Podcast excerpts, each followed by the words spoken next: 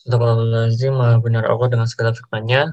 Alhamdulillah, terima kasih teman-teman yang telah berkenan membaca. Yang selanjutnya, mari kita saling berbagi insight. Dan insya Allah besok kita mulai ke Al-Ma'idah ayat 14. Dan mengingatkan lagi untuk hari ini petugas not tulisnya eh sampai Mbak Faza Saufarani ya, kalau nggak salah ya. Iya, Kang. Oh ya. Ya, monggo teman-teman yang berkenan duluan berbagi insight. Belum ada, saya awali dulu deh, biar buat pancingan-pancingan. Saya ingin meng-highlight Anissa yang ayat 76 terkait di budaya setan yang lemah. Jadi memang tipu daya yang dimaksudkan di sini itu cara-cara yang samar dalam membahayakan musuh. Jadi memang setan itu walaupun tipu dayanya lemah, tapi dia telah menyerupai sosok-sosok gitu.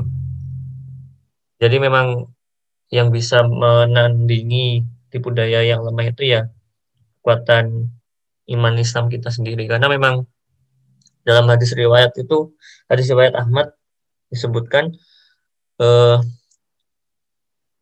Iblis berkata kepada Rabbnya, demi kemuliaan dan keagunganmu, aku senantiasa akan menyesatkan anak-anak Adam selama ruh masih ada pada mereka. Maka Allah berfirman, demi kemuliaan dan keagunganmu, aku senantiasa akan mengampuni mereka selama mereka mohon ampun padaku. Jadi memang selama kita hidup, selama kita masih bernafas, setiap waktu, setiap detik, setan akan selalu mengganggu kita, menyandingi kita, bersanding dengan malaikat yang selalu bersanding dengan kita.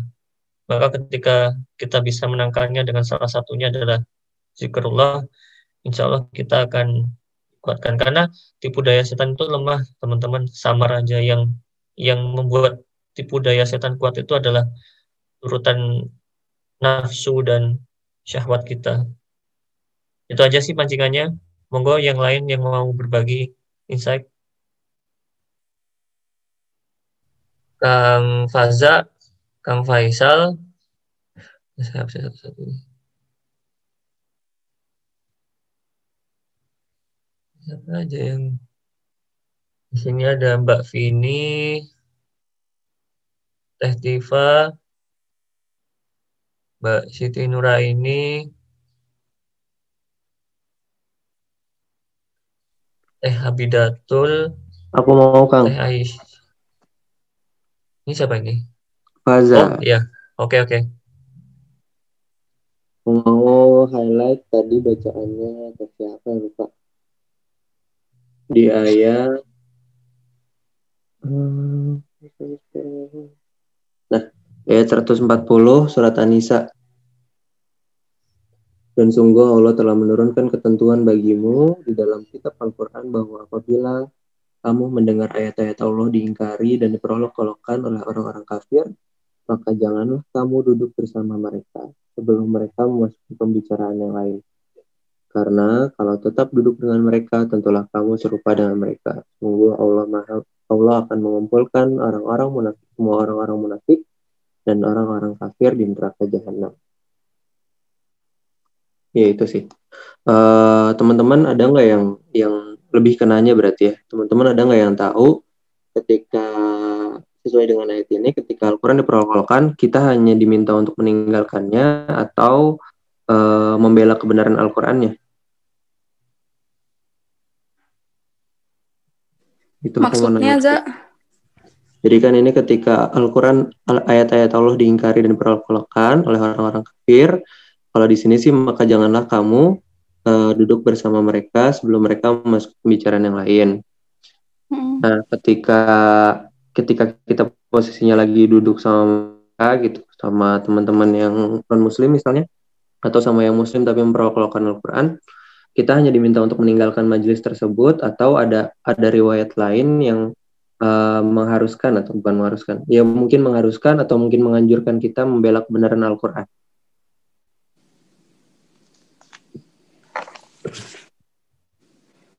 Faza nanya pengalaman atau gimana? Aku nanya, apakah ada riwayat lain? Oh, uh, benar kan ya? Belum pernah dengar, Za. Oke, okay, oke. Okay. Itu aja sih, karena kan beberapa waktu terakhir juga ada beberapa orang di luar sana yang sampai ngebakar Al-Quran, terus juga nginjek-nginjek dan lain sebagainya. Itu sih. Jadi kan uh, sakit hati ya. Cuman uh, kalau misalkan anjurannya memang diwajibkan di Al-Quran gitu ya disebutinnya memang hanya untuk hanya ditinggalkan aja berarti ya insya Allah aku meninggalkan aja tanpa harus uh, apa namanya tanpa harus membela apa ya konfrontasi gitu kali ya. Hmm. sedih aja gitu maksudnya Al-Quran dibakar terus juga diinjek-injek itu tuh yang di ayat yang Faza baca bukannya konteks eh, Rasulullah lagi dakwah ya. Kalau misalnya lagi dakwah terus kebetulan atau bukan dakwah sih maksudnya kalau zaman itu lagi kayak apa sosialisasi gitu dengan yang orang-orang lain terus ternyata mereka lagi uh, jelek-jelekin Quran maka kita tinggalkan. Apa apa gimana ya? Bisa nggak disamakan dengan itu? Kalau yang itu kan jelas ini ya apa uh, apa penghinaan ya yang membakar atau apa gitu sama nggak ya konteksnya? Kayaknya eh, kembali lagi dengan itu ya apa sih prinsip-prinsip yang apa bila ada kebatilan maka kita menolak dengan apa itu ya? Ya nggak sih? Kalau ada dan kalau misalnya bisa dengan perbuatan ya kalau yang nggak bisa dengan perkataan dan paling lemah adalah dengan hati. Apakah ada hubungan dengan itu nggak ya? Tapi dalilnya belum dapat maaf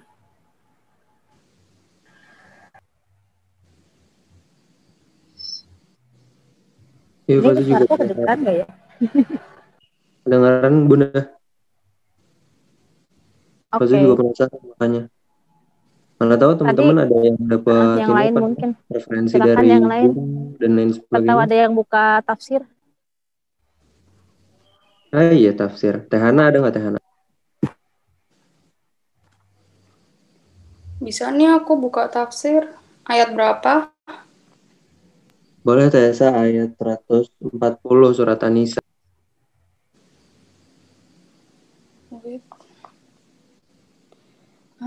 Ayat 140.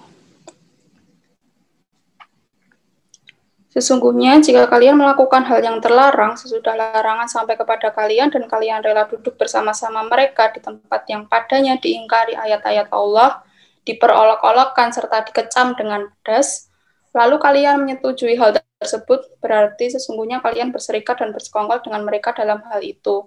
Karena itulah dinyatakan oleh firman-Nya, tentulah kalian serupa dengan mereka. Anisa ayat 140. Yakni dalam hal dosa, seperti yang disebut di dalam sebuah hadis, Barang siapa yang beriman kepada Allah dan hari kemudian, maka janganlah ia duduk di dalam sebuah hidangan yang disediakan padanya minuman hammer. Larangan mengenai hal tersebut yang ada dalam ayat ini, cara menanggulanginya disebutkan di dalam ayat surat Al-An'am melalui firman-Nya. Dan apabila kamu melihat orang-orang memperolok-olokkan ayat-ayat kami, maka tinggalkan mereka. Al-An'am ayat 68. Mukotil Ibnu Hayyan mengatakan bahwa ayat surat Al-An'am ini menasah firman-Nya, tentulah kalian serupa dengan mereka, karena ada dalil firman Allah yang mengatakan, Al-An'am ayat 69, dan tidak ada pertanggungjawaban sedikit pun atas orang-orang yang memelihara dirinya terhadap dosa mereka yang memperolok-olokkan ayat Allah. Tetapi kewajibannya ialah mengingatkan agar mereka bertakwa. Adapun firman Allah Anisa 140, sesungguhnya Allah akan mengumpulkan semua orang-orang munafik dan orang-orang kafir dalam jahanam. Maksudnya, sebagaimana orang-orang munafik itu bersekutu dengan orang-orang kafir dalam kekufuran, maka Allah pun menghimpun di antara mereka dalam kekekalan di neraka jahanam untuk selama-lamanya. Dan dia mengumpulkan mereka semua di dalam rumah siksaan dan pembalasan yang dibelenggu dan rantai yang mengingat mereka serta minuman air yang mendidih, bukan air yang tawar dan makanan berupa darah dan nanah.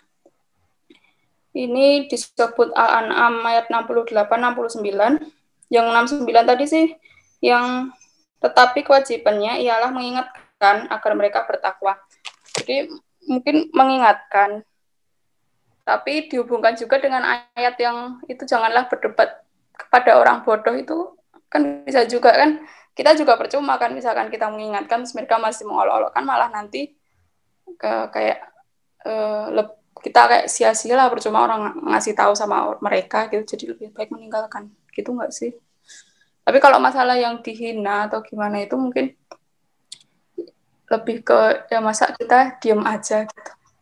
Nah, kemarin sih yang diangkat beberapa poster beberapa itu kan ya kita masa diem aja om anu dihina gitu. Itu sih mohon koreksinya kalau ada yang mau menambahkan.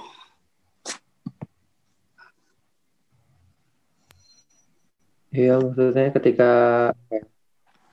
ketika ada sesuatu yang misalnya tidak sesuai, misalkan ayat-ayat Al-Quran yang tidak sesuai dengan kepercayaan mereka, terus uh, dianggapnya intoleransi, misalkan yang dekat-dekat sekarang mengucapkan Natal yang segala macam kan, dianggapnya intoleransi.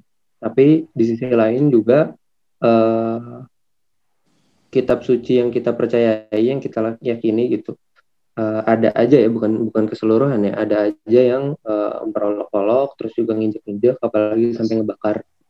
Itu kan ngelukain ngelukain hati sebagian besar mungkin sebagian besar uh, muslimin. Gitu. itu sih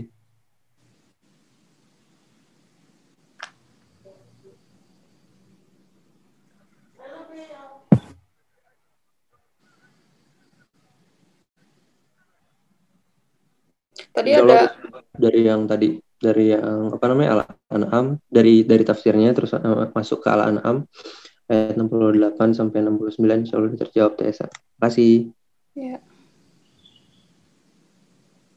Tadi ada hadis yang aku bacakan artinya barang siapa yang beriman kepada Allah dan hari kemudian maka janganlah ia duduk di dalam sebuah hidangan yang disediakan padanya minuman hamar. Masa aku keringat Faza yang pernah masih bergaul sama teman-teman yang masih minum. Oh iya, itu satu dua tahun lalu kayaknya. Mm Alhamdulillah. Iya, jadi sedikit cerita mungkin ya. Jadi di tempat les aku, di tempat kursus waktu itu, itu salah satu sponsornya memang minuman apa namanya merek minuman keras gitu. Uh, dan setiap ada kegiatan pun kegiatan yang kecil gitu ya kegiatan internal entah itu pameran atau konser mini gitu. Nah itu minimal satu showcase turun gitu. Minimal satu showcase turun. Memang uh, ketika ada ada situasi kayak gitu ya ya jangan jangan kan uh, apa namanya jangan kan faza gitu teman-teman yang yang sesama muslim yang lain juga rentan untuk apa ya rentan untuk terhasut mungkin ya dengan dengan embel-embel toleransi dan lain sebagainya. Itu memang memang sangat direkomendasikan sesuai dengan ayat tadi, eh sesuai dengan hadis yang tadi, tidak ikut duduk-duduk di sana. Gitu. Rentan, rentan guys. Temanku KKN di pelosok di mana ya di Lombok apa ya dia juga minum-minum kalau nongkrong sama apa warga-warga itu katanya nggak enak kalau nggak minum Astagfirullah. Iya, hal-hal yang kayak gitu kita kadang lupa sama diri kita punya prinsip gitu. Saya hmm. ketika ketika kita punya prinsip, insya Allah kita bisa bisa cover itu sih sebenarnya. Cuman kan balik lagi kita punya prinsip, iman kita lagi naik atau lagi turun kan juga berpengaruh. Gitu. Ya.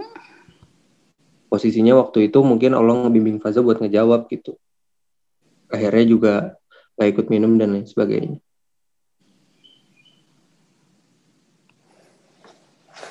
Sudah.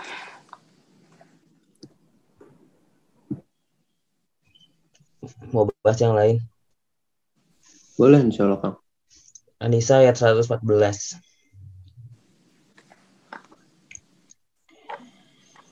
Tidak ada kebaikan dari banyak pembicaraan rahasia mereka, kecuali pembicaraan rahasia dari orang yang menyuruh orang bersedekah atau berbuat kebaikan atau mengadakan perdamaian di antara manusia. Barang siapa berbuat demikian karena mencari keridhaan Allah, maka kelak kami akan memberinya pahala yang besar. Uh, ini anjuran beberapa ini anjuran ketika kita melakukan pembicaraan rahasia itu jika berlandaskan tiga hal ini maka itu salah satu ini ya apa pembicaraan rahasia yang yang mengandung kebaikan gitu dari pembicaraan rahasia lainnya. Pembicaraan rahasia itu teknisnya gimana sih?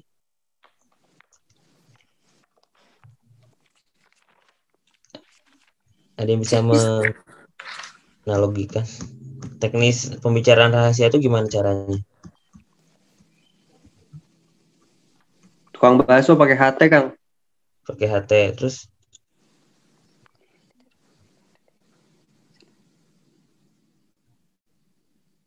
itu aja.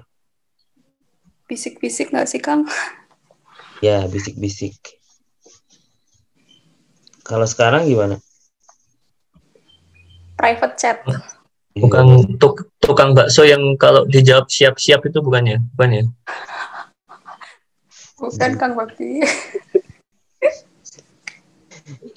Ya sih aku mikirnya kalau zaman sekarang tuh private chat tuh udah bisik-bisik sih.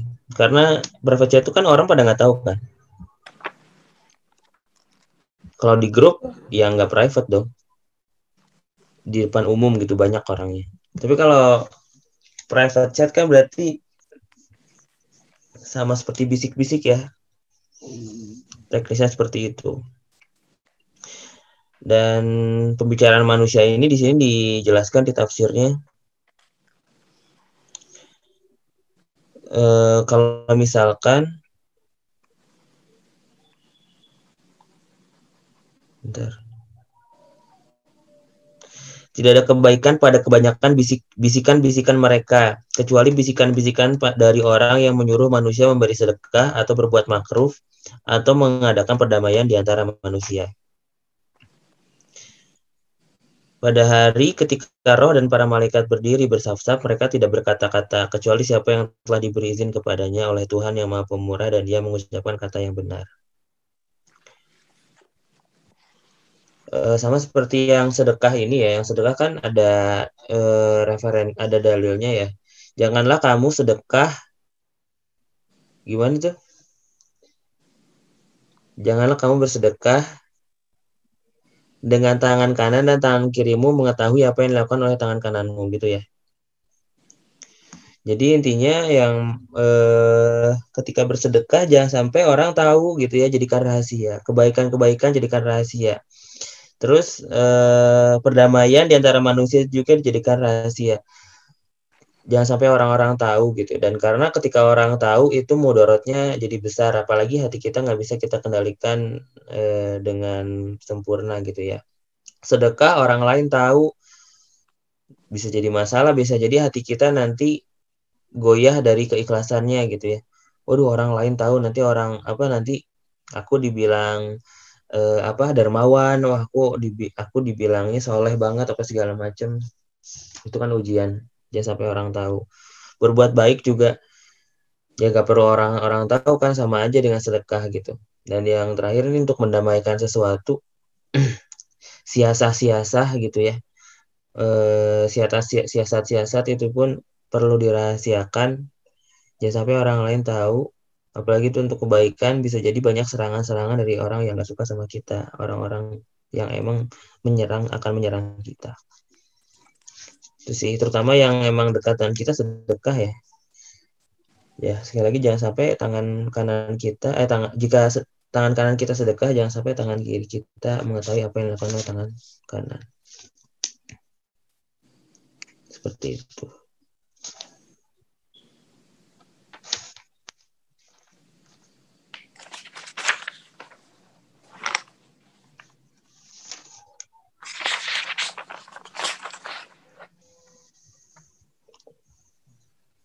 aku tambahin yang bisikan-bisikan itu ya Kang Misal ya. Itu yang ada kebaikan pada kebanyakan bisikan-bisikan mereka. Bisikan-bisikan mereka itu yang dimaksud itu pembicaraan manusia.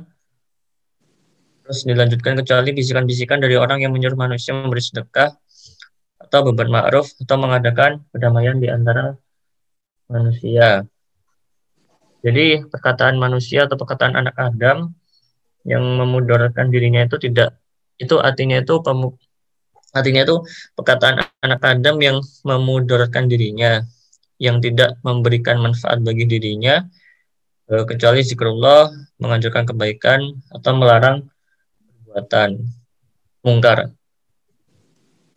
Maka ya uh, intinya itu kita disuruh untuk membi, apa menyuruh manusia untuk memberikan sedekah, berbuat makruh atau mengadakan perdamaian di antara manusia, atau karena kalau tidak bisa melakukan hal-hal itu itu dikatakan sebagai perkataan yang mudarat atau tidak memberikan manfaat. Itu sih. Fadol yang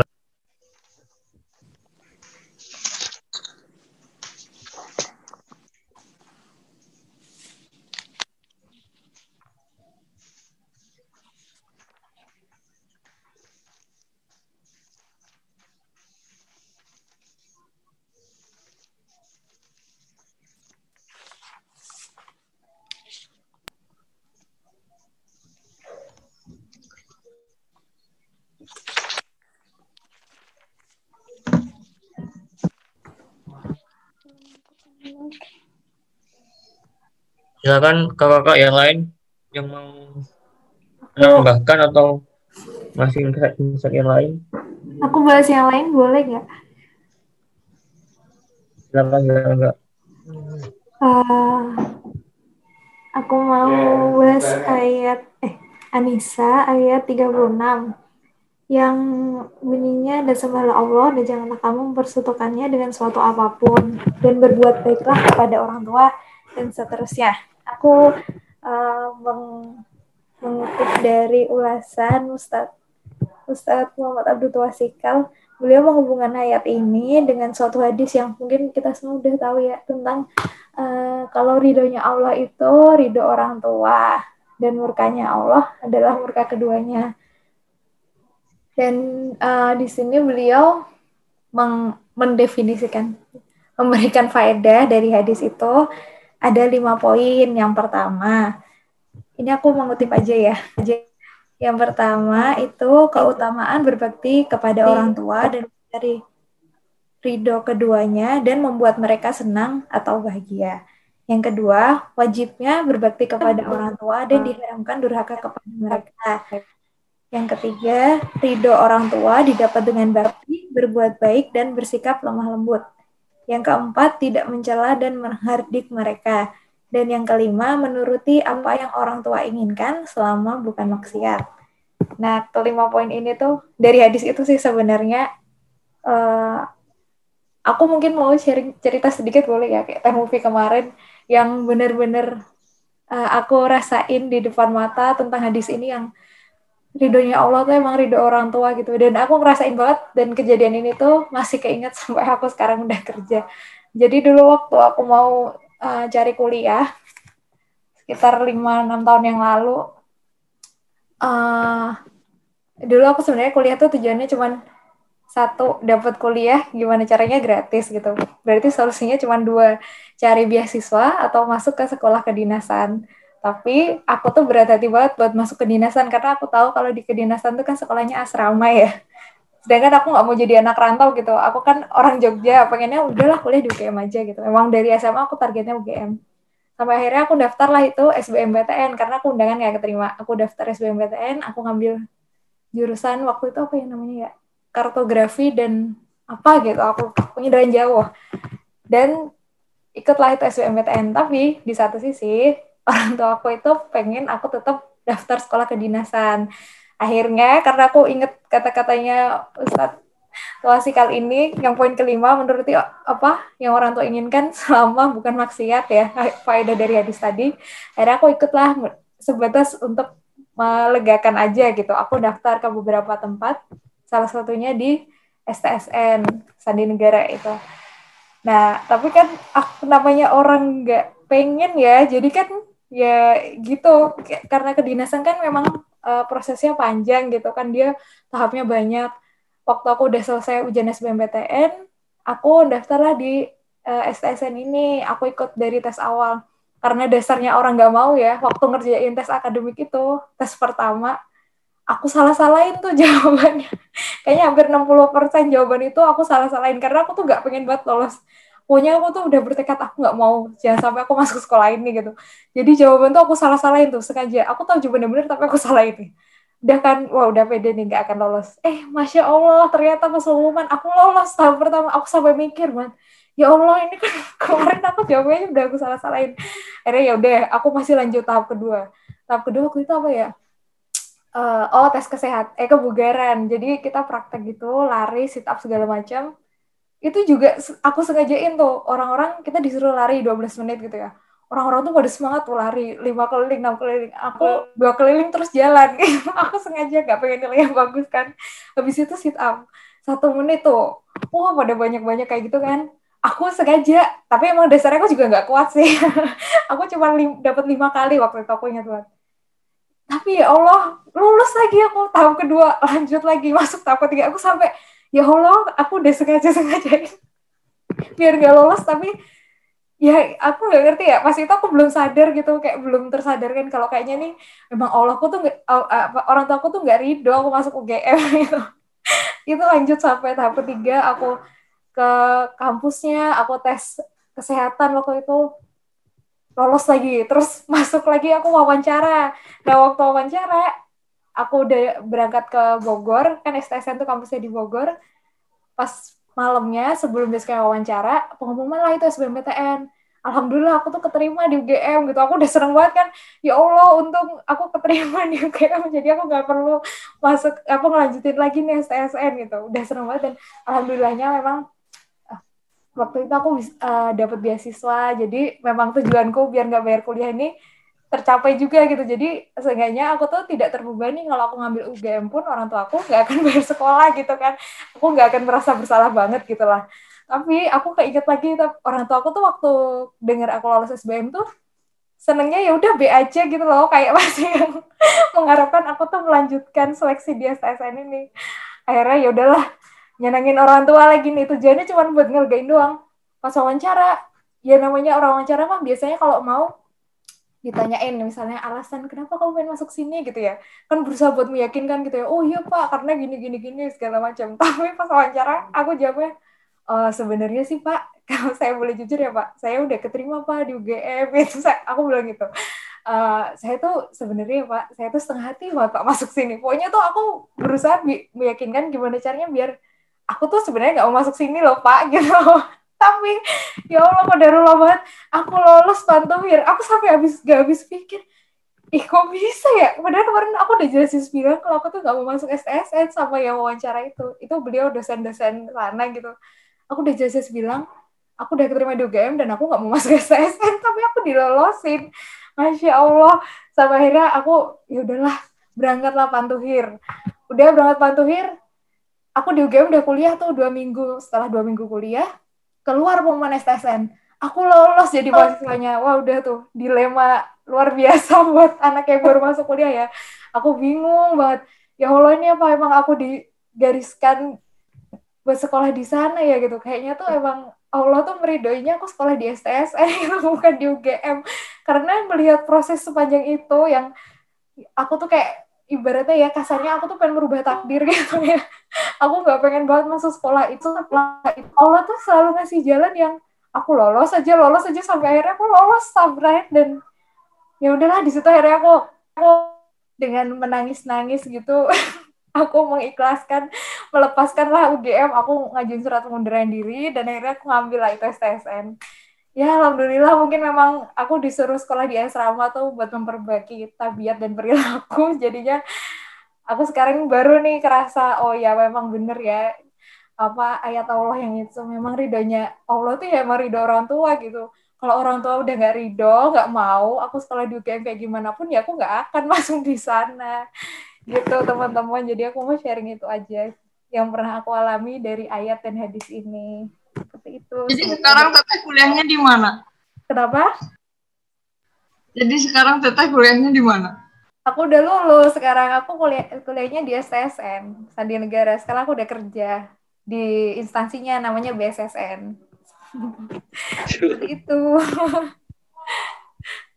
Teteh nyala-nyalahinnya salah tempatnya mungkin. Ini Sandi Ih, Negara. beneran Faza orang aku tuh inget Oh banget. itu penyalahan jawaban itu dianggap sandi oleh guru-gurunya berarti. Wah ini baru masuk udah jago bikin sandi katanya. itu tuh soalnya tuh gampang banget lulu dibandingkan SBMPTN tuh menurut aku ya kan tesnya tuh cuman bahasa Inggris matematika sama fisika eh fisika kalau nggak salah dan itu tuh soal-soal yang dasar gitu loh. Maksudnya kayak yang terlalu ribet kalau SBM kan soalnya susah banget gitu ya. Ini tuh enggak. Makanya aku tuh yakin banget jawaban yang bener tuh ini aku salahin tuh jawaban. Eh tapi kok lolos? Aku tuh sama heran aku ngitungin waktu itu. Pokoknya hitung tuh aku persenin tuh sekitar 50 sampai 60 persen lah jawabanku tuh salah. Tapi masya Allah kok bisa lolos? Aku sampai sekarang tuh nggak habis pikir. Loh. memang ya itulah ya. Rencana Allah tuh memang nggak kadang nggak masuk akal ya. Emang harus dirasakan gitu seperti itu Oh ini kesalahan di sengaja nih kata kata tim ininya. kenapa Kata tim seleksinya ini kesalahan yang disengaja nih. Besarnya 80%. asa gitu banget tapi nggak masuk akal sih kadang-kadang ya itu yang wawancara menurut aku yang nggak masuk akal aku tuh benar-benar udah meyakinkan wah saya tuh pokoknya pak saya tuh pengen masuk UGM pak pokoknya aku tuh udah sampai semangat banget aku tuh anak UGM ya tapi malah dilolosin ya Allah nggak tahu lah itu ya seperti itu teman-teman semoga bermanfaat ya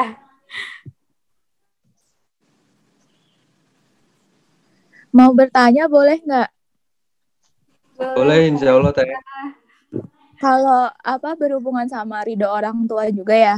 Eh saya singkat cerita, aku juga di sini kan eh, berkat ridho orang tua juga sih kalau menurutku gitu kan. Terus dapat setelah kuliah dapat kerja juga, alhamdulillah itu kalau menurut aku doa orang tua juga sih karena ya sama kayak ceritanya Tifa gitu. Gak mungkin banget, aku tuh udah diambang mau pulang waktu itu. Cuman ya mungkin doa orang tua juga keterimanya di sini gitu. Cuman gitu, eh, apa namanya ya, pas udah dijalanin, terus tiba-tiba orang tua aku tuh pengen aku pulang gitu loh. Cuman kan aku jadi bingung lah. Lah awalnya pengen aku di sini, terus sekarang pengen aku pulang gitu kan. Cuman udah terlanjur, bukan udah terlanjur sih, maksudnya gimana ya, udah ngerasain lah eh, kerjanya di sini tuh enak gak enaknya gimana gitu. Dan aku berusaha meyakinkan orang tua aku gitu. Kalau aku di sini tuh nggak nggak gimana ya, nggak cuma main-main doang dalam arti kayak melupak meninggalkan orang tua di Indonesia bukan gitu. Jadi yang pengen aku tanyain adalah gimana cara meyakinkan orang tua kalau gimana ya? Kan tadi itu ya ridho orang tua kan ridho Allah juga gitu. Tapi bukan berarti kayak eh apa ya kita nggak bisa meyakinkan orang tua nggak sih? Maksudnya gimana sih? Kayak kita punya keinginan kayak gini loh gitu. Gimana sih caranya biar ngakin orang tua kalau kita tuh apa ya punya keinginan yang sebenarnya tuh apa ya ada maksudnya gitu. Teh Alia tolong Teh Alia dijawab. Iya, Bener selaku, juga. selaku bunda, selaku bunda. Iya bunda. Bunda anak Bunda. banyak. Apa ini? Biar orang tua yakin sama pilihan kita gitu ya, biar ridho. Iya, maksudnya biar Iya ridho benar, benar, benar Maksudnya banget. Aduh, eh, gimana ya? Aku sih kemarin pas lagi anakku kemarin SBMPTN, kebetulan dia milihnya tuh pasrah gitu. Jadi kan ayahnya sama aku kan ITB, terus eh, neneknya di Bandung gitu. Jadi dia kalau dia di Bandung dia dia pasrah gitu. Tapi teman-temannya banyak yang ke UI kan. Jadi eh, dia tuh sebenarnya pengen ke UI, pengen ke pengen bareng temannya gitu. Terus pas kalau pas kemarin kan sistemnya yang masing-masing gitu ya ujian mandiri karena SBMPTN-nya anakku tuh nggak keterima. Jadi jadi eh, apa namanya hmm, pas gitu pas nentuin jurusan malah nanya sama aku gitu. Bu menurut ibu yang mana sih? gitu kan. Aku pengen masuknya fasilkom gitu katanya. Terus tapi fasilkom tuh kan susah ya maksudnya eh, keketatannya tinggi gitu. Terus anakku juga nilainya nggak terlalu istimewa banget. Jadi ya udahlah masuk ini aja lah cari yang agak-agak longgar gitu nggak tahu ya alhamdulillah gitu ya eh, apa namanya eh, masuk gitu di pilihan yang aku saranin di, di last minute itu gitu ya yang yang tadinya tuh out of the blue nggak ada nggak ada keidean oleh dia tapi dia dia setuju gitu ya. Jadi sebenarnya gini eh, cara meyakinkannya tuh eh, mungkin pertama buktikan keseriusan kita bahwa kita tuh uh, apa namanya kita tuh emang bener bakal megang keputusan itu. Karena namanya yang uh, meyakinin orang tua itu kan yang paling susah. Kan orang tua tuh kan tahu ya jelek-jeleknya kita. Dari kecil kita tuh kayak gimana tuh orang tua paling tahu. Jadi dakwah sama orang tua istilahnya dakwah ya. Ya apa sih istilahnya uh, marketingin orang tua tuh paling susah ya. Karena orang tua tahu sifat-sifat jelek kita sifat-sifat kita yang dari kecil tuh gimana. Tapi kalau kitanya yakin apa terus membuktikan bahwa misalnya kita pengen masuknya tuh uh, dokteran hewan kata. Terus kita tuh kalau ada kucing sakit atau apa kita tuh atensi atau apa uh, kita rawat atau dan itu tuh kayak sebenarnya kayak nunjukin bahwa aku tuh emang serius gitu ya dan dan jangan putus asa kadang uh, dan juga jangan ngelawannya dengan dengan dengan dengan apa ya dengan cara yang buruk gitu ya kayak misalnya ngambek gitu ya. ada aja ya yang kayak gitu kan oh udah deh pokoknya kalau nggak masuk uh, sini aku nggak mau kuliah. Bodo amat aku nggak mau kuliah pokoknya.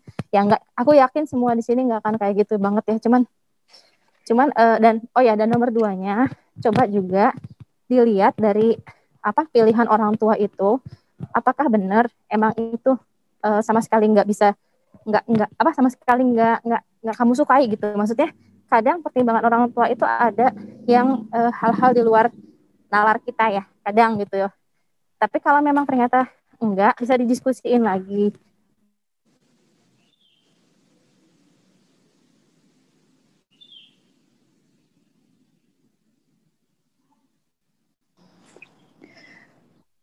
Iya, masya Allah, bener banget, uh, Teh Alia ininya apa? Lebih, lebih, uh, uh, lebih modern, insya Allah.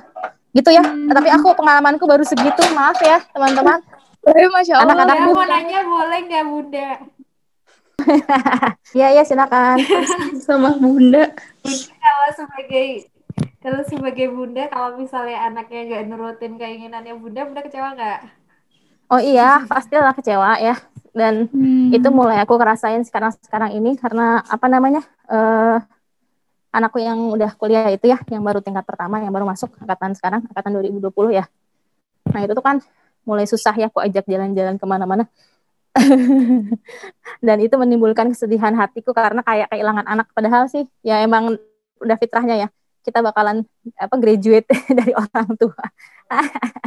Jadi misalnya eh, nggak uh, mungkin nempel mulu gitu ya. Dasarnya maknya masih mellow aja kali ya. Masih pengen ngekepin anaknya gitu. Jadi menurutku sih uh, kekecewaan orang ngecewain orang tua itu pasti ada aja. Tapi sebisa mungkin diminimalisir lah karena jangan sampai kita yang akhirnya kecewa. Eh maksudnya gini jangan sampai kita yang akhirnya menyesal di kemudian hari karena suatu hal kecil yang bisa kita kompromiin. Katakanlah gini misalnya uh, suatu hari minggu gitu ya aku mau pergi jalan nih sama temenku ini katakanlah aja nggak ada corona ya. Terus tiba-tiba orang tua ngajakin udah kita ngumpul yuk kita jalan ke mana? Gitu. Kadang kan males ya mendingan ngumpul sama temen gitu kayak gitu. Ngapain sih sama orang tua? Kan di rumah juga udah ketemu gitu ya.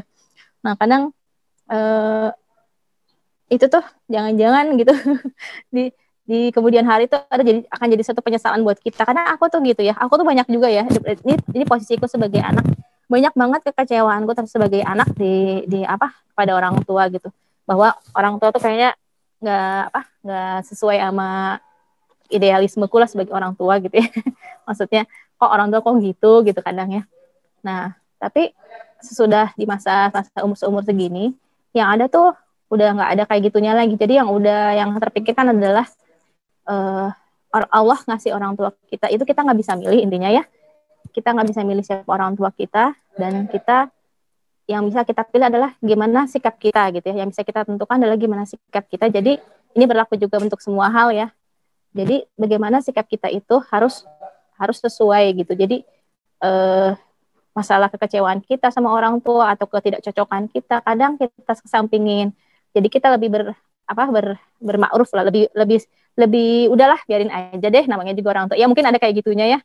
Tapi eh, apa maksudnya kita lebih memaklumi aja, lebih ngalah lah gitu, ngalah istilahnya. Ini bukan gara-gara aku orang tua terus aku nyaranin gitu ya. Ini justru aku posisiku sebagai anak eh, gimana nyikapin orang tuaku yang sekarang gitu. Izin namanya ya.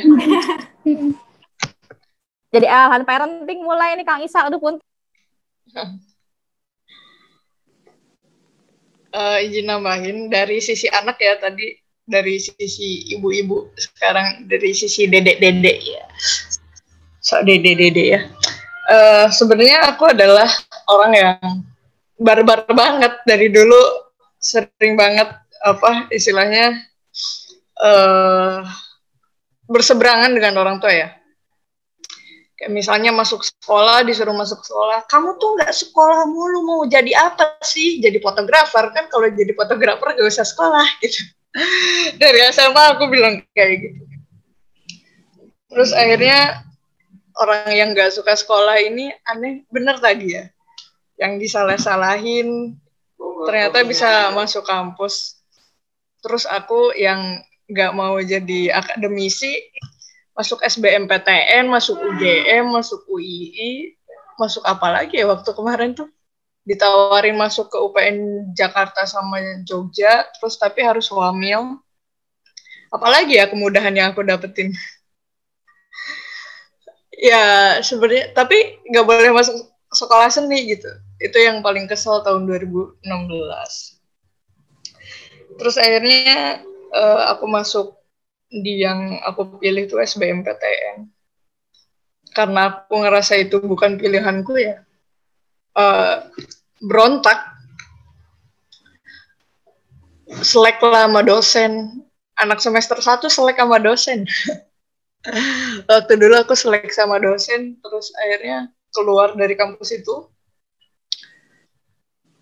Coba nyelarasin doa lagi sama orang tua. Mama maunya apa gitu tapi mungkin waktu dulu nggak pernah ngomong ya orang tua tuh pengennya kayak apa masuk sekolah seni masih nggak boleh. Akhirnya nyoba bisnis terus masuk BSI eh keluar juga dari BSI nggak ridho mungkin ya. Terus uh, akhirnya uh, setelah keluar kemarin nanya lagi. Mah uh, aku pengen masuk sekolah seni boleh nggak gitu. Kayaknya kemarin diizinin tapi nggak tahu sih aku rasanya orang tua aku masih setengah-setengah. Masuk dua kampus pengalaman aku masuk pot, apa ya di dunia fotografi itu tujuh tahun. Dan aku nggak masuk ke dua kampus itu nggak keterima sama sekali. Padahal aku udah mempersiapkan itu sejak awal tahun aku masuknya tesnya kayak gimana, wawancaranya pasti kayak gimana, udah nyari tahu ke kampusnya segala macam. Aku menyadari satu hal sih. Ini omongan apa ya? Aku ngomong atau dia ngomong atau nggak ngomong, kayaknya dia masih ragu dengan apa yang di fotografi. Sampai akhirnya aku uh, apa saat ini ya, aku akhirnya bisa masuk National Geographic les gitu terus ngeliatin keinginan aku sampai keliling TPA terus dilihat ini apresiasi dari publik kayak gini di Instagram maupun dari National Geographicnya dari mentor maupun dari teman sebayanya kayak gimana. Terus ya ngeliatin selama kursus itu uh, apa kayak gimana karena aku juga ada uh, apa ngambil kursus juga gitu. Diliatin kayak gimana akhirnya ya orang tua setuju gitu. Sampai akhirnya tahun depan uh, apa aku berhasil ngeyakinin juga gitu. Mah kayaknya emang dari dulu tuh aku keliru pengen masuk fotografi gitu. Terus aku masuk kursus kursusnya tuh dua semester tentang fotografi. Dan itu bisa disambi dengan aku kuliah. Akhirnya aku coba mah ini jurusan ini aku maunya di sini. Emang kamu bisa? Gitu. Karena kan aku nggak suka sejarah ya tapi jurusan yang aku ambil itu antropologi budaya. Ya aku yakin mah karena fotografi itu ya mungkin apa ya firasat mama bener dari dulu gitu. Fotografi itu nggak perlu di tempat kuliah gitu. Aku bisa dapetin di tempat les atau aku bisa dapetin di teman-temanku. Atau bahkan yang yang National Geographic itu gratis gitu aku dapat apresiasi dari orang New York, New Zealand, dari orang Kanada, Belanda gitu. Tapi ya itu justru lesnya gratis gitu. Nggak perlu kuliah. tapi ya ya gitu sih jadinya tuh kayak apa ya ya mungkin uh, saat ini pilihannya lebih ke kayak diskusi sih sama orang tua lebih ke kayak membenarkan apa yang dia omongin terus uh, apa uh, jadi mulai sama-sama ridho. Kalau misalnya gimana ya ngajak orang tua sama-sama ridho tuh agak susah apalagi orang tua aku yang baru berubah akhir-akhir ini ya. Tapi ya orang tuaku berubah secara drastis sih. Waktu dulu tuh barbar banget. Anaknya barbar orang tuanya juga sama barbar gitu. Tapi uh, iya yang National Geographic dapat fasilitas ada banyak semuanya. Dan aku itu dikasih selama dua tahun. Jadi yang gak daftar kursnya itu cuma dapat dua bulan aku dapat dua tahun. Terus abis itu uh, apa ya lebih milih untuk menyelaraskan doa dengan baik sih ridhonya kayak gimana. Kalau dari awalnya emang udah nggak ridho sama uh, tadi ya kuliah di fotografi ya aku juga coba nyari mah ini yang mendukung kayak gini uh, aku apa emang pengennya kuliahnya di kayak gini. Mama setuju nggak? Ya udah setuju. Kemarin yang jadi masalah biaya ya di, yang fotografi itu. Yang masalah biaya ya udah aku banting setir. Cari yang emang kuliahnya uh, bayar UKT-nya dikit. Dikit banget. Yang sampai di bawah 5 juta. Kebetulan sekolah seni UKT-nya selalu di bawah 5 juta. Karena biaya dari Kementerian Pendidikannya, eh apa sih riset diktinya ya, itu lebih banyak dikeluarin gitu. Karena yang seni itu biasanya lebih ke membantu, membangun dan apa ya istilahnya. Pokoknya biaya dari riset diktinya lebih banyak, jadi UKT-nya di di nggak tahu turun gitu. Akhirnya ya udah selama proses untuk menuju kurs itu ya dipermudah aja gitu wawancara masuk terus uh, apa ya terus uh, ngobrol sama mentornya. Jadi aku dapat mentor juga kalau ada yang suka fotografi ya. Itu ada mentornya mentornya aku tuh di majalah National Geographic terus Reuters terus uh, yang dulunya senior Kompas Beawi Harta, Muhammad Fadli, wah banyak. Pokoknya itu fotografer-fotografer terkenal yang bahkan sekarang jadi juri di WordPress foto.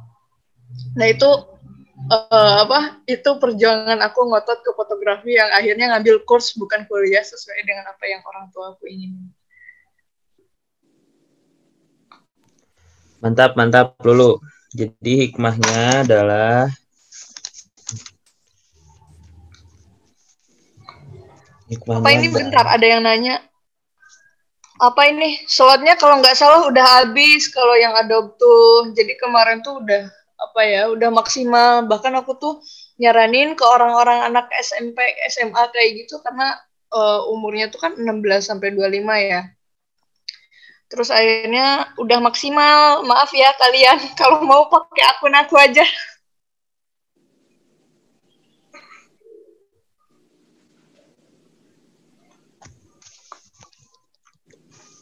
Mantap, mantap. Mau meng-highlight ayat lain boleh nggak? Atau masih mau membahas di dua orang tua?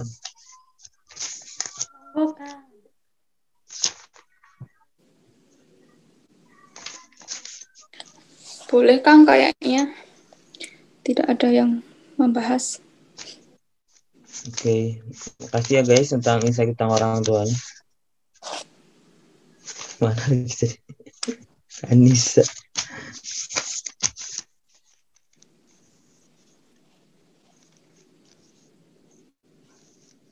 Tapi jadi mau cerita ya itu tentang dua orang tua itu menarik sih. Negosiasinya susah-susah gampang ya. Jadi ingat ini ada satu anak itu dia emang nggak tahu ya kenapa pekerja seni itu di belum belum sehits PNS ya belum se hype dokter kerja seni itu. Memang mungkin di Indonesia kurang dihargain apa gimana? Mungkin Teh Alia bisa nambahinnya. Tapi banyaknya ya gitu sih. Kerja seni kalau enggak jurusan yang emang tidak sesuai standar orang tua.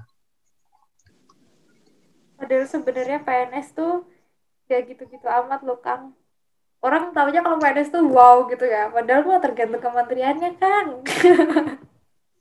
Tapi tergantung ini nggak sih? Tergantung eh, apa?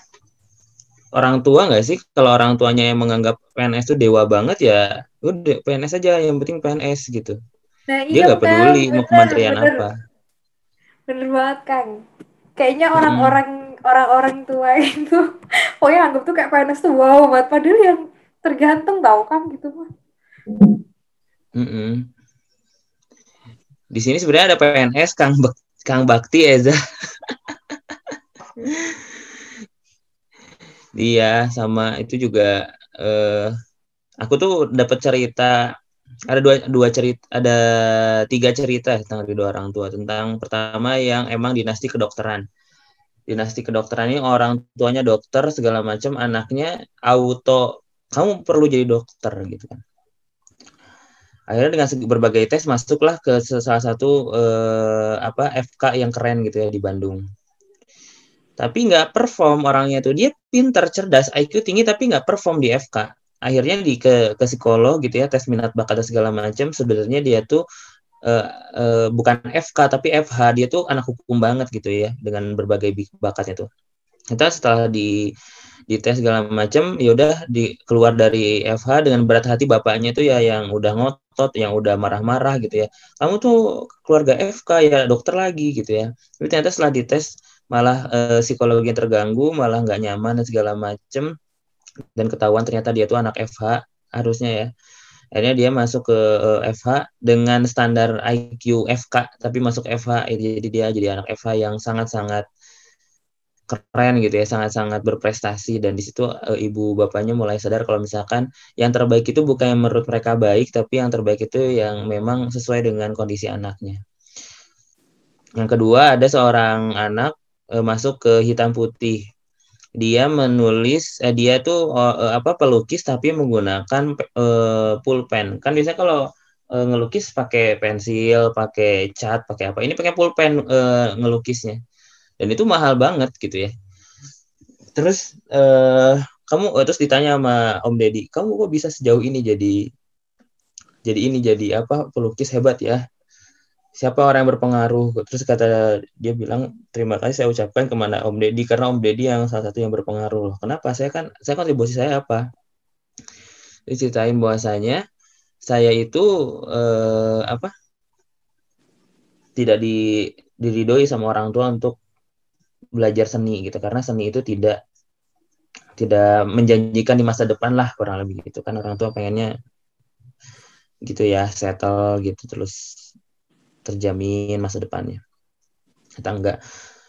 Akhirnya eh, satu malam karena bapaknya itu nonton hitam putih Om Deddy bilang sebenarnya eh, tidak apa ya istilahnya itu orang tua yang baik adalah orang tua yang yang mengerti mimpi anaknya dan memfasilitasi mimpi tersebut supaya bisa terwujud.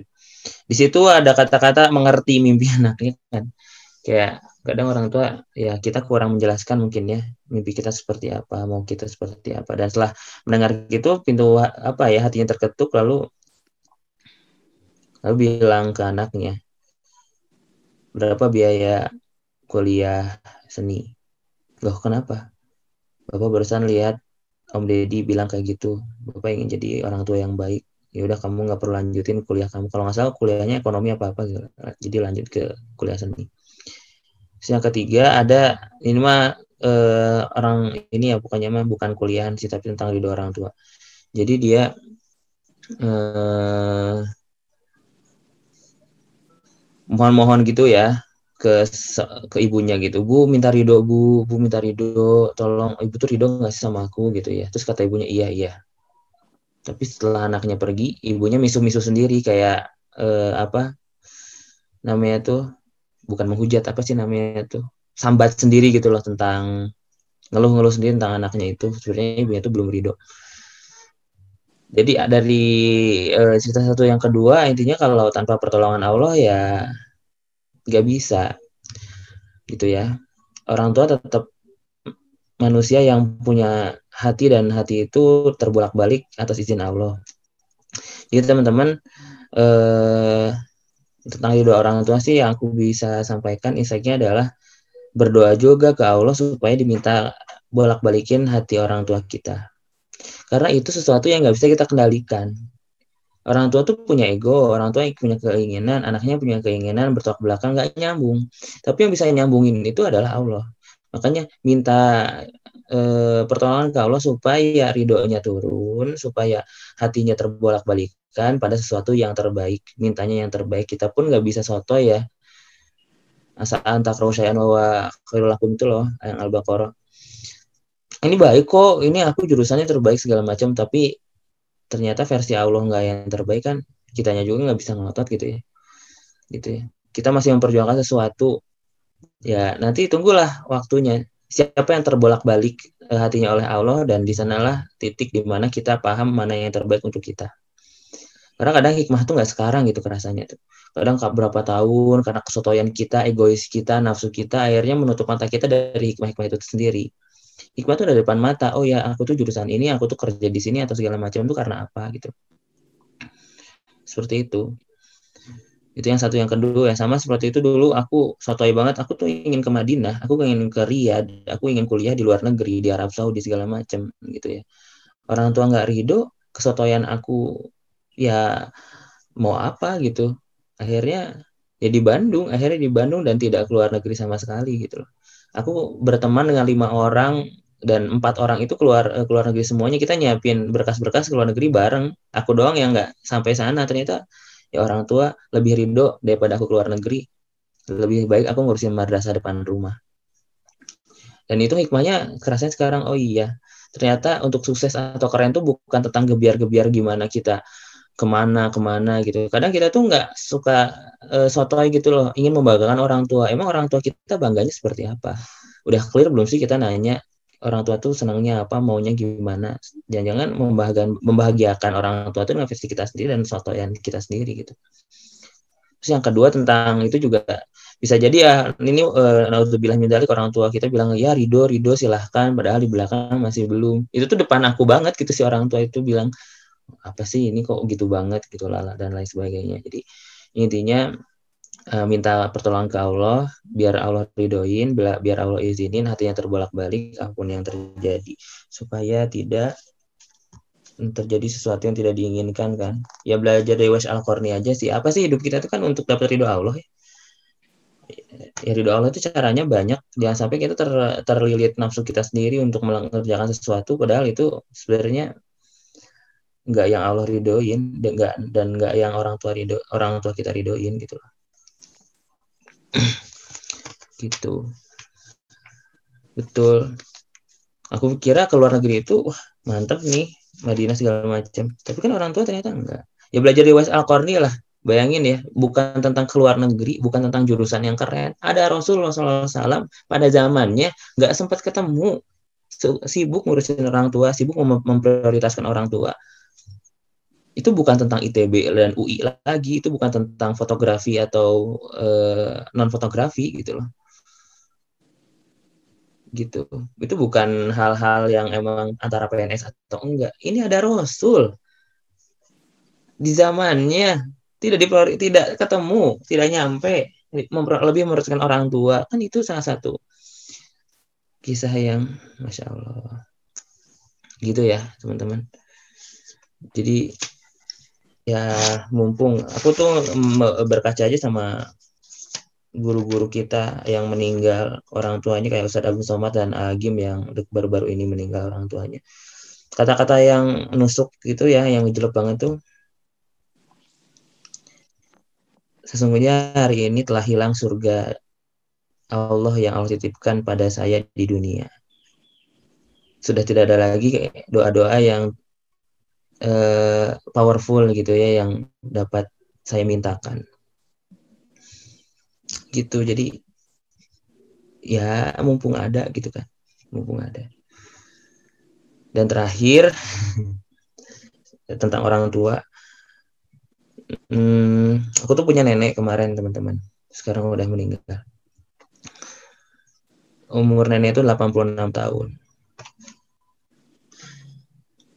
Hmm, salah satu titik balik aku tentang orang tua itu adalah ketika aku melihat sebuah majalah dari Arab gitu ya waktu di pondok dulu. Udah udah sobek-sobek si majalahnya itu udah nggak jelas gitu ya. Cuma ada dua part di sana tuh ada dua artikel yang aku baca. Tapi artikel yang pertama ini yang relate tentang orang tua. Hmm, di, di sana ada dua orang Arab adik kakak. Itu mereka ke kalau di orang Indonesia itu MK-nya gitulah. MK eh, terus di MK itu yang dipermasalahkan adalah jadi kan kalau udah ke MK tuh kayak minta peradilan mana yang lebih yang lebih adil ya mana yang lebih baik gitu ya. Jadi di sana tuh permasalahannya adalah mereka berdua saudara itu berseteru. Berseteru karena ingin di putuskan siapa di antara mereka berdua yang lebih layak mengurus orang tuanya yang udah tua. Terus uh, itu udah tua terus kayak mereka berantem gitu. Saya yang harus ngurus, saya yang ngurus, saya yang harus ngurus segala macam gitu ya. Tapi enggak enggak enggak nyampe enggak apa ya maksudnya itu enggak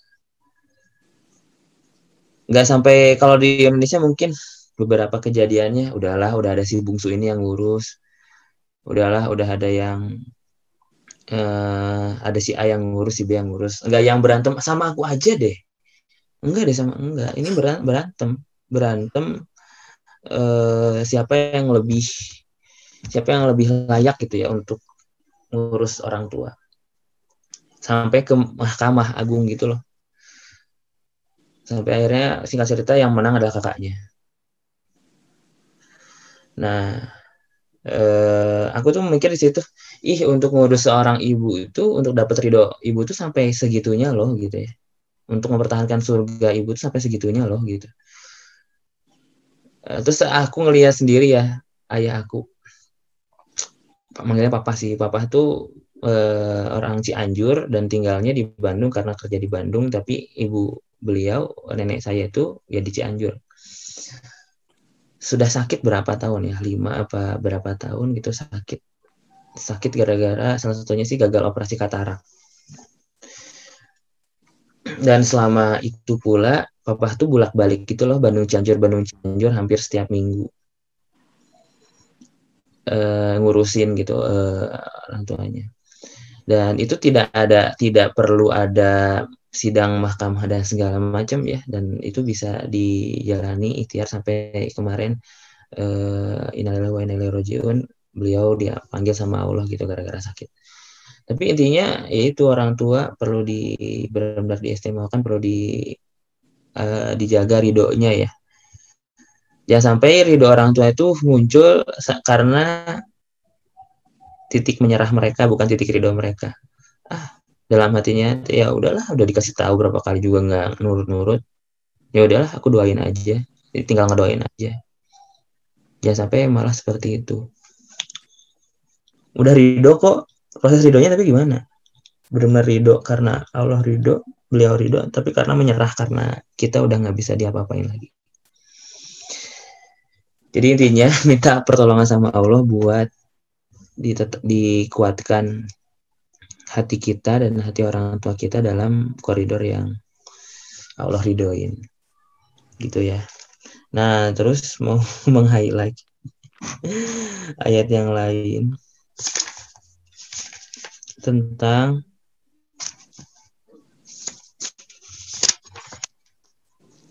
Kang, aku mau nambahin yang tentang rawat ibu ya. Ya. Yeah.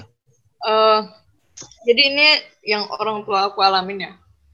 Eh, nggak uh, tahu sih ini karma apa bukan ya buat mama. Aku tuh sampai sering ngakak-ngakak lah kalau mama ngurus nenek aku. Karena sering dimarahin kan. Waktu dulu tuh aku sering dimarahin terus kayak aku bilang kayak gini tuh kan gak enak dimarahin orang tua gitu. Sering banget aku kayak gitu pokoknya sama orang tua. Tapi ada poin yang benar-benar di highlight sih buat aku ketika orang tua aku nanya gitu ya mama bisa sesayang ini sama nenek? Katanya itu bisa ngurus nenek. Anak mama ada nggak ya yang kayak gitu sama mama? Gitu. Itu yang uh, bikin aku nanya juga gitu.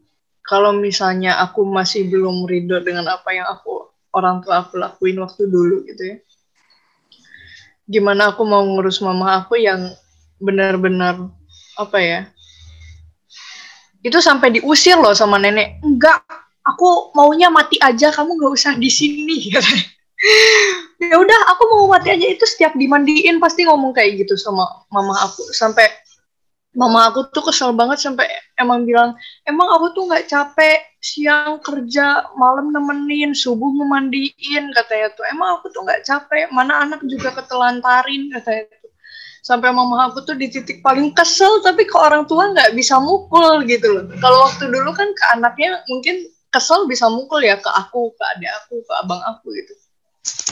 Tapi ke, ke nenek tuh nggak bisa gitu sampai akhirnya uh, aku di posisi sekarang ya ke orang tua aku uh, aku udah diskusi sama orang tua aku. Kita udah istilahnya apa ya? Udah ngomongin tentang masalah kehilangan ya aku ngomong sama orang tua aku.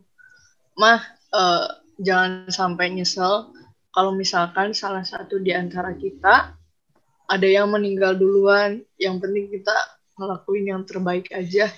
Aku ngelakuin uh, yang mamah bangga. Mamah juga jangan ngelakuin yang emang menurut mamah itu sebenarnya salah untuk dilakuin dan gak baik buat aku gitu. Ya udah jadi akhirnya komunikasi saat ini sama orang tua aku lebih baik aja sih setelah sama-sama sadar ya. Aku yang barbar dan orang tua aku yang barbar kadang dibikin sadar dengan keadaan gitu kayak tergantung kita mencari lingkungannya atau enggak sih. Kayak gitu. Mantap.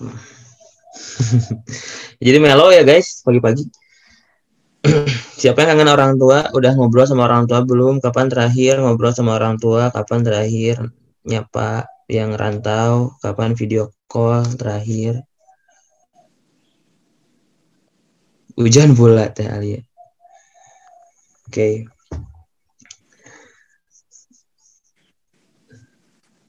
Dan ini ya bakal kerasa banget sih. Betul tadi. Ada sebuah keluarga, anaknya 14 yang mampu ngurusin anaknya cuma dua. 12 yang lainnya entah ngapain. Oh ini ini tentang orang tua. Ini keingetan mulu sih tentang orang tua nih krusial soalnya ada satu orang tua diurus sama anaknya yang emang dia nyaman sama si anaknya itu itu happy happy gitu happy banget diurus sama anaknya ini satu terus anak yang lain ya berasa merasa ingin berkontribusi. Udah pindah aja. Udah seminggu sama saya aja. Udah sebulan sama saya aja. Akhirnya dipaksa pindah dong. Pindah dong guys. Dipindah orang tua tersebut di ke diurus sama uh, anaknya yang lain. Cuma tiga minggu di sana perubahannya drastis. Jadi lebih tua, jadi stres, jadi sakitnya lebih parah. Akhirnya nih nggak bener nih, terus dibaikin lagi ke anaknya yang biasa ngurus. Hanya bertahan satu bulan beliau meninggal dunia. Intinya tuh kalau di, bukan di tangan yang emang beliau ridho nyaman, eh, ya udah nggak akan nyaman, nggak happy, malah banyak tekanan batin dan penyakit-penyakit lain yang muncul. Jadi eh, apa ya? Iya betul. Kalau nggak salah mau lanjut bahas ayat. Oh, iya mohon maaf. Pokoknya gitu ya guys. Nah ini ayatnya intinya tadi itu tentang ini kebahagiaan orang tua juga. Ayat 5 Al-Maidah ayat 5. eh Kan di situ disebut ya Al-Maidah. Pada hari ini dihalalkan bagimu segala yang baik-baik. Makanan sembelihan ahli kitab itu halal bagimu dan makananmu halal bagi mereka. Dan dihalalkan bagimu menikahi perempuan-perempuan yang menjaga kehormatan eh, ada juga yang bilang perempuan-perempuan yang merdeka. Di antara perempuan-perempuan yang diberi iman dan perempuan-perempuan yang menjaga kehormatan di antara orang-orang yang diberi kitab sebelum kamu apabila kamu membayar mas kawin mereka untuk menikahinya tidak dengan maksud berzina dan bukan untuk menjadi perempuan piaraan. Barang siapa kafir setelah beriman maka sungguh sia-sia amal mereka dan di akhirat dia termasuk orang-orang yang rugi. Yang mau highlight di sini sebenarnya ini kan eh, apa halal memakan sembelihan ahli kitab dan menikahi ahli kitab ya. mungkin teman-teman di sini sudah tahu. Saya ingin reminder aja sih.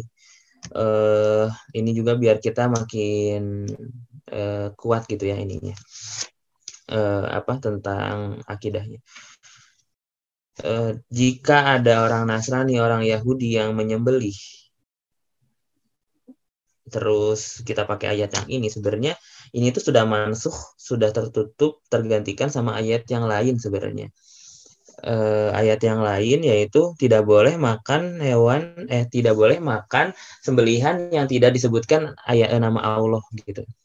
Nah, gini gini guys, orang kafir, orang ahli kitab zaman dulu itu ahli kitab benar-benar masih mengacunya pada Allah, agama Allah, agama tauhid gitu ya. Dan menyebut nama Allah ketika menyembelih maka boleh gitu loh. Orang wanita-wanita juga eh, apa ahli kitab itu ya emang yang beriman pada Allah makanya boleh gitu kan. Seperti itu. Nah eh, tentang penyembelihan khususnya itu eh, eh, apa poinnya adalah disembelih sama ahli kitab itu boleh karena disembelihnya dengan nama Allah. Gak boleh kalau misalkan tidak disebutkan atau dengan nama yang lain gak boleh. Nah sekarang kalau misalkan emang Nasrani yang ini gitu ya, apakah mereka menyebut nama Allah apa enggak? Sesama dengan ahli kitab zaman dulu apa enggak? Kayak gitu. Nah ini juga ini sih jadi awareness sendiri ya buat kita semua tentang makanan, entah di luar negeri atau dalam negeri, itu perlu banget kita uh, waspadai gitu ya tentang uh, apa tentang konten makanan yang dihalalkan gitu ya. Kadang orang di orang baru aware tuh baru keluar negeri doang gitu ya. Udah keluar negeri, oh ini halal nggak ya? Ini gimana gimana dan segala macam. Padahal di dalam negeri sendiri pun kita perlu berwaspada gitu, ber, perlu siap-siap siaga. Bentar ini hal nggak ya? Bentar ini nyembelihnya gimana ya? Apa kita asal auto percaya aja orang di Indonesia Muslim dia udah haji tapi sayang banget kalau beliau haji tapi tidak uh, mendalami tentang ilmu halal haramnya gitu ya. Kalau beliau Islam tapi uh, ilmu tentang hal haram tentang sembelihan atau produk makanan itu belum sampai ke orang tersebut gitu ya.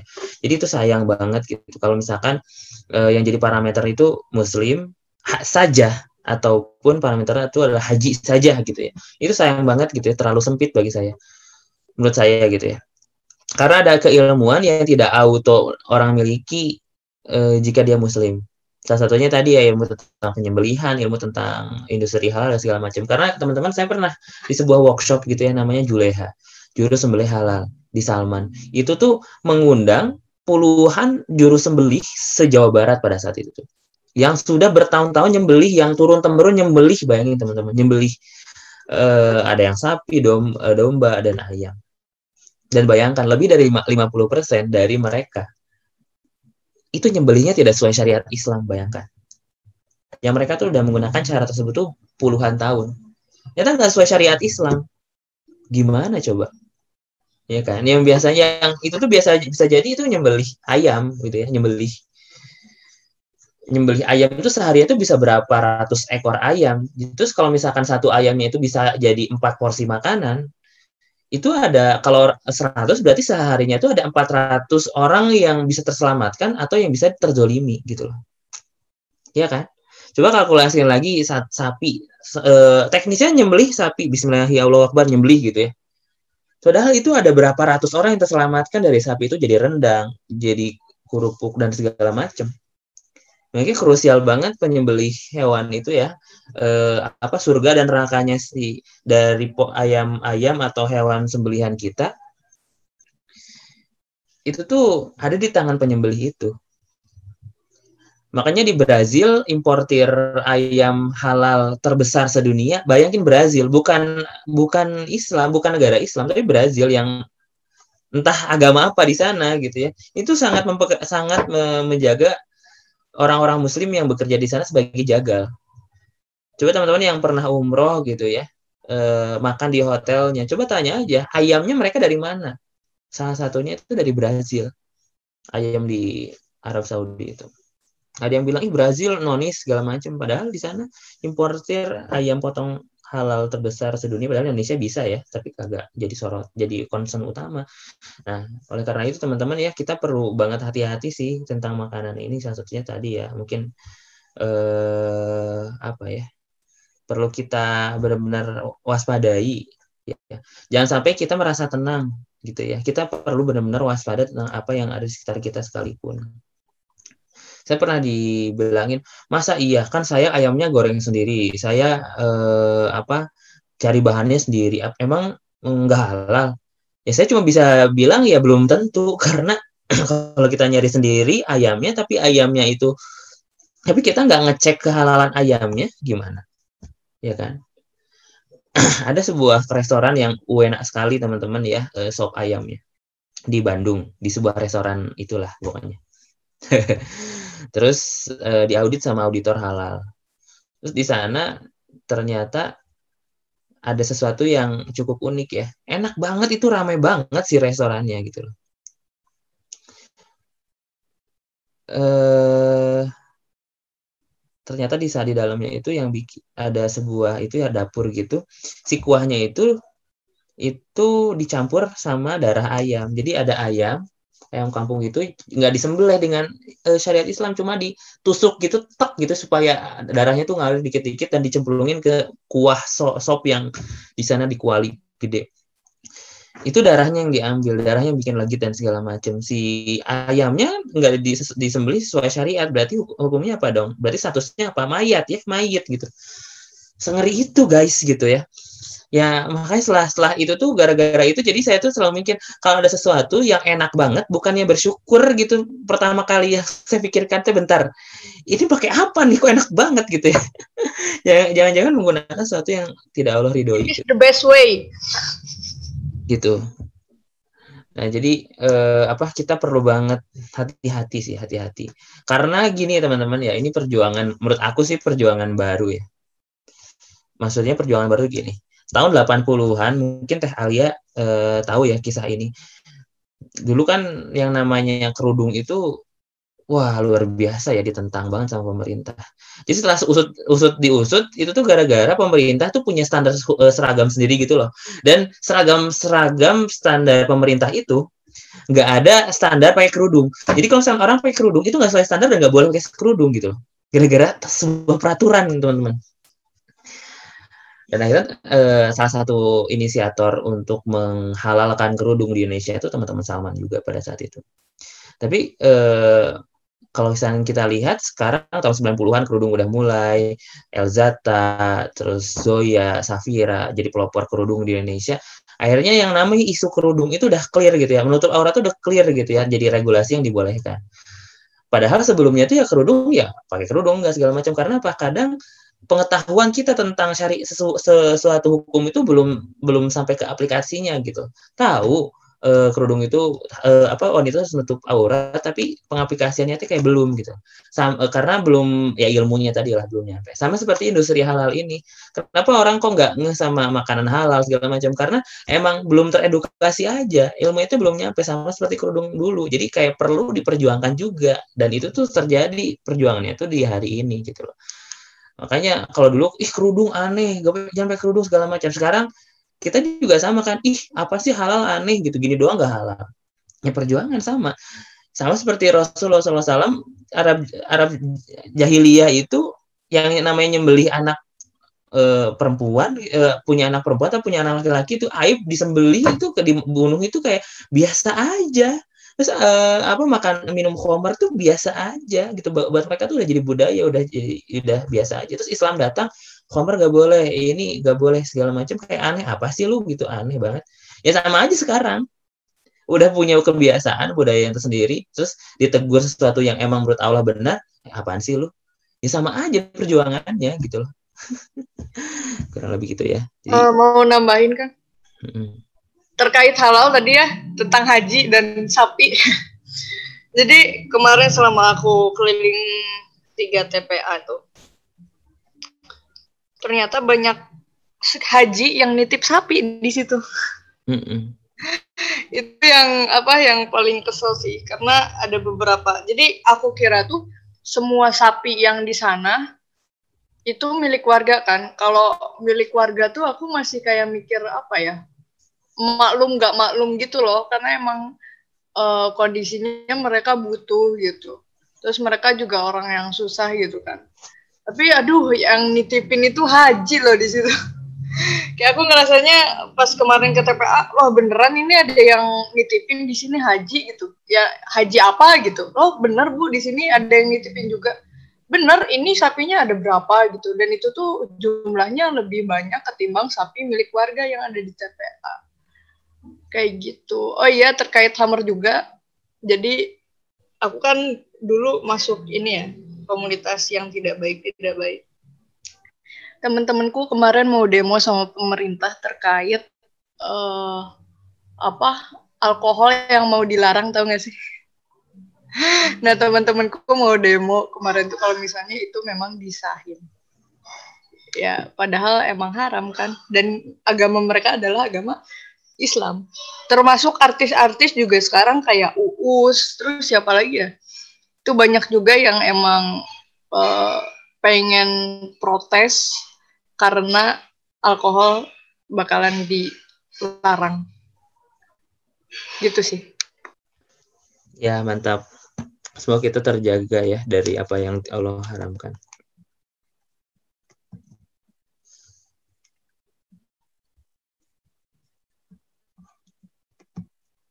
Apa nih yang nanya Teh? Teh Vira cara tahu makanan yang makanan sembelih sesuai syariat ini kalau udah di atas piring itu susah dibedain ya makanya ada sertifikat sertifikat halal itu udah paling bener sih menurut aku ya.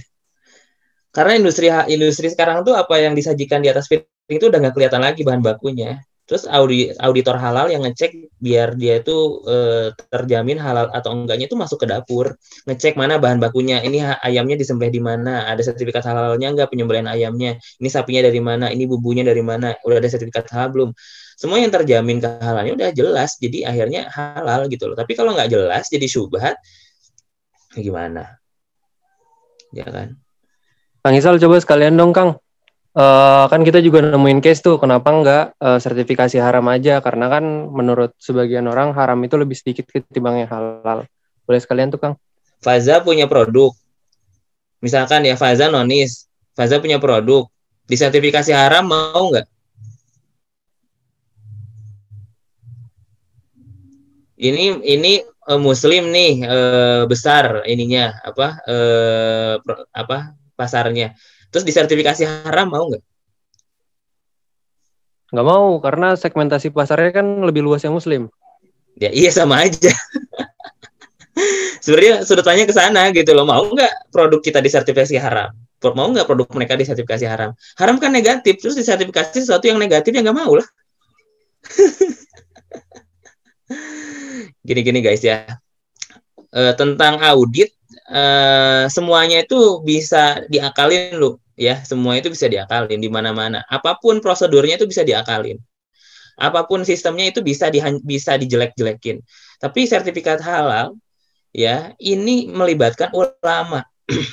Kalau aku ya ini mangga sih teman-teman mau skeptis mau nggak percaya silahkan. Tapi kalau udah melibatkan ulama mau bagaimanapun ulama ulama tuh pewaris nabi. Ya pewaris nabi. Mereka yang bertanggung jawab. Kita nggak percaya sama fatwa ulama yang mereka udah bertanggung jawab di Indonesia ya kita nggak eh, apa kalau misalkan ya dengan akal sehat ya dengan eh, itunya ya gimana dong? Kan mereka mensertifikasi juga nggak ulama itu dibantu dengan orang saintifik dan segala macam orang yang di lapangannya dan itu tanggung jawab mereka gitu ya. E, peraturannya kalau udah sampai ke kita sertifikat halalnya berarti itu udah sesuatu yang emang udah teruji gitu loh. Kayak gitu. Seperti itu. Iya industri halal nggak cuma makanan betul. Warning bisa. Tapi sebenarnya gini sih eh, si belum bisa berperan banyak karena banyak kepentingan betul. Kan awalnya voluntary LPPOM MUI sekarang jadi mandatori jadi wajib. Yang dipegangnya Kemenag yang megang sertifikasi halal itu Kemenag sekarang.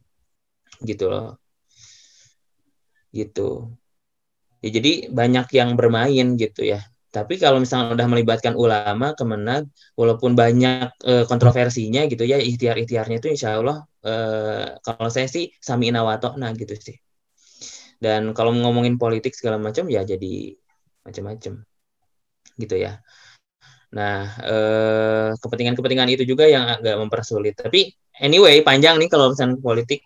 Intinya kalau misalkan ke sertifikasi halal itu kenapa perlu sertifikasi halalnya? Jadi gini teman-teman ya saya analogikan. Gini. Eh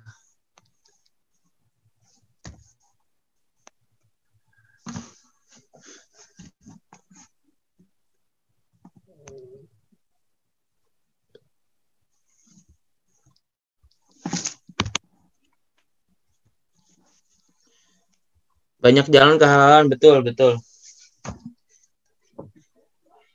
Uh, ini lo ininya ya. Betul undang-undang JPA udah ada lembaga khusus namanya BPJPH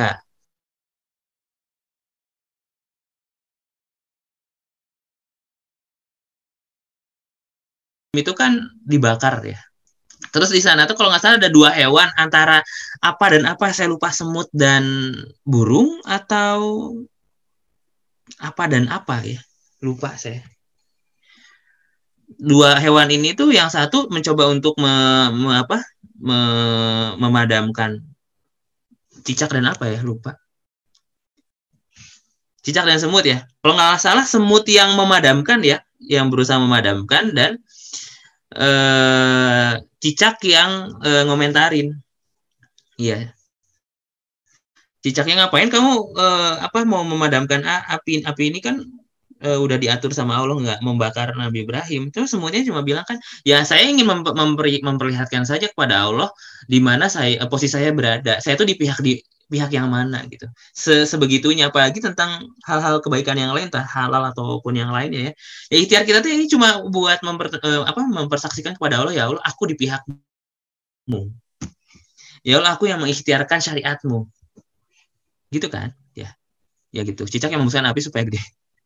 Cicak yang kompor betul. Jadi intinya sih itu eh, apa sesuatu yang seperti itu nggak nggak nggak nggak jadi masalah gitu ya.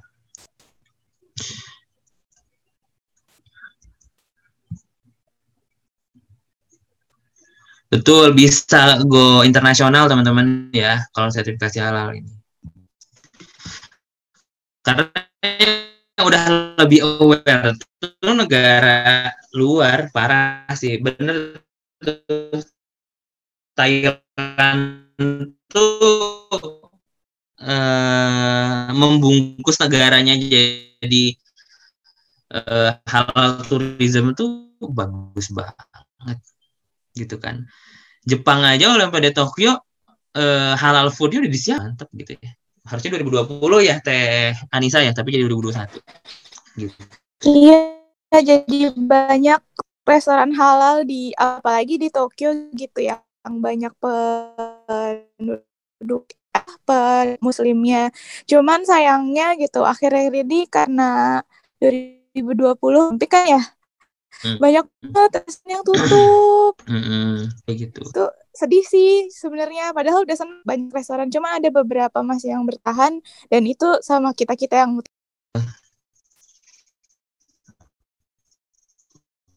tapi kalau nggak salah sih mesinnya itu buat muter mesinnya ayam aku pernah lihat ayam ayamnya tuh uh, ditempelin bukan ditempelin disangkutin gitu ya si lehernya. Terus muter.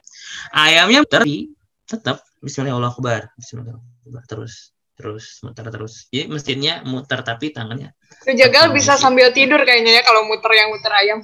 Ya sigap lagi nih guys. Masa tiduran? Gitu tapi lebih lebih ini sih lebih afdol tangan sendiri ya. Aduh saya lupa ini hukumnya gimana tapi yang diajarkan sih waktu kemarin itu tidak tidak yang diajarkan pakai mesin Bismillahirrahmanirrahim mencet enggak, tapi emang tangan kita yang beli. Gitu. Ya, gitu ya guys. Terus tentang alkohol juga sebenarnya ada kandungan-kandungan tertentu untuk alkohol. Yang yang diharamkan tuh bukan alkohol medis ya, alkohol medisnya mati. Tapi khomer yang diharamkan itu. Ada alkohol itu untuk biasanya pelarut beberapa jenis alkohol itu untuk pelarut saja dan berapa persen itu nggak masalah untuk ber, untuk bawa itu komer. Kalau udah sertifikasi halal, insya Allah udah aman. Alkohol medis ke Bima tuh eh racun. Ih bener Kang, bener. Anak muda zaman sekarang tuh ya. Kamu uh, muda nggak lu? Uh, aku udah tua sih sebenarnya. Secara umur ya. Dua-dua.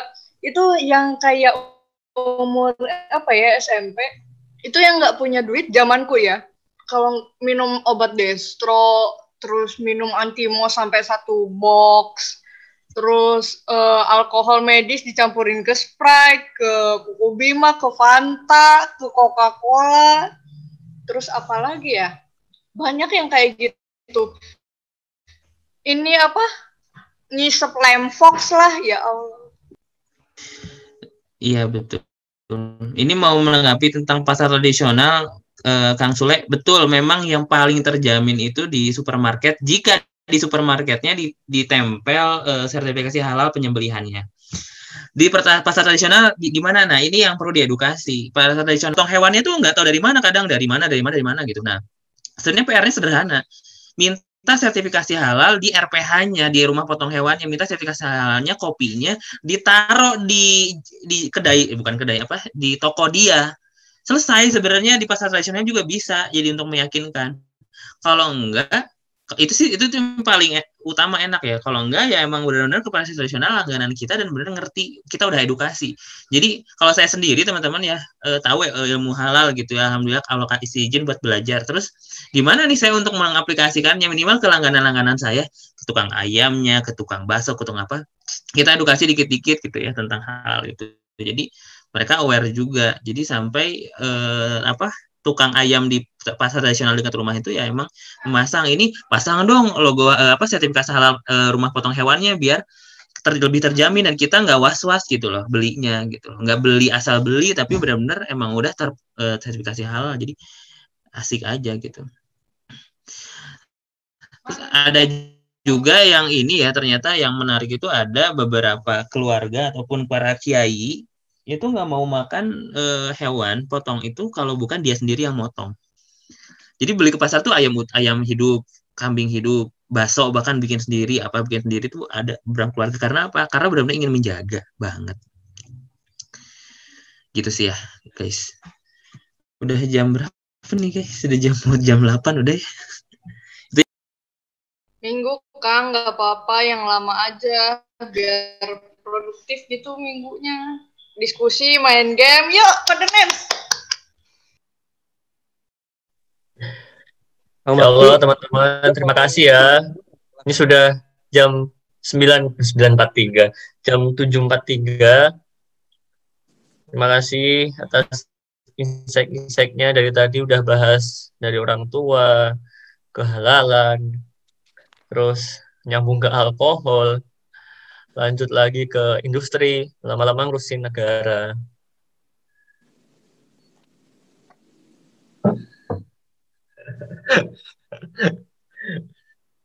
Oke teman-teman, kalau nggak ada yang mau nambahin lagi,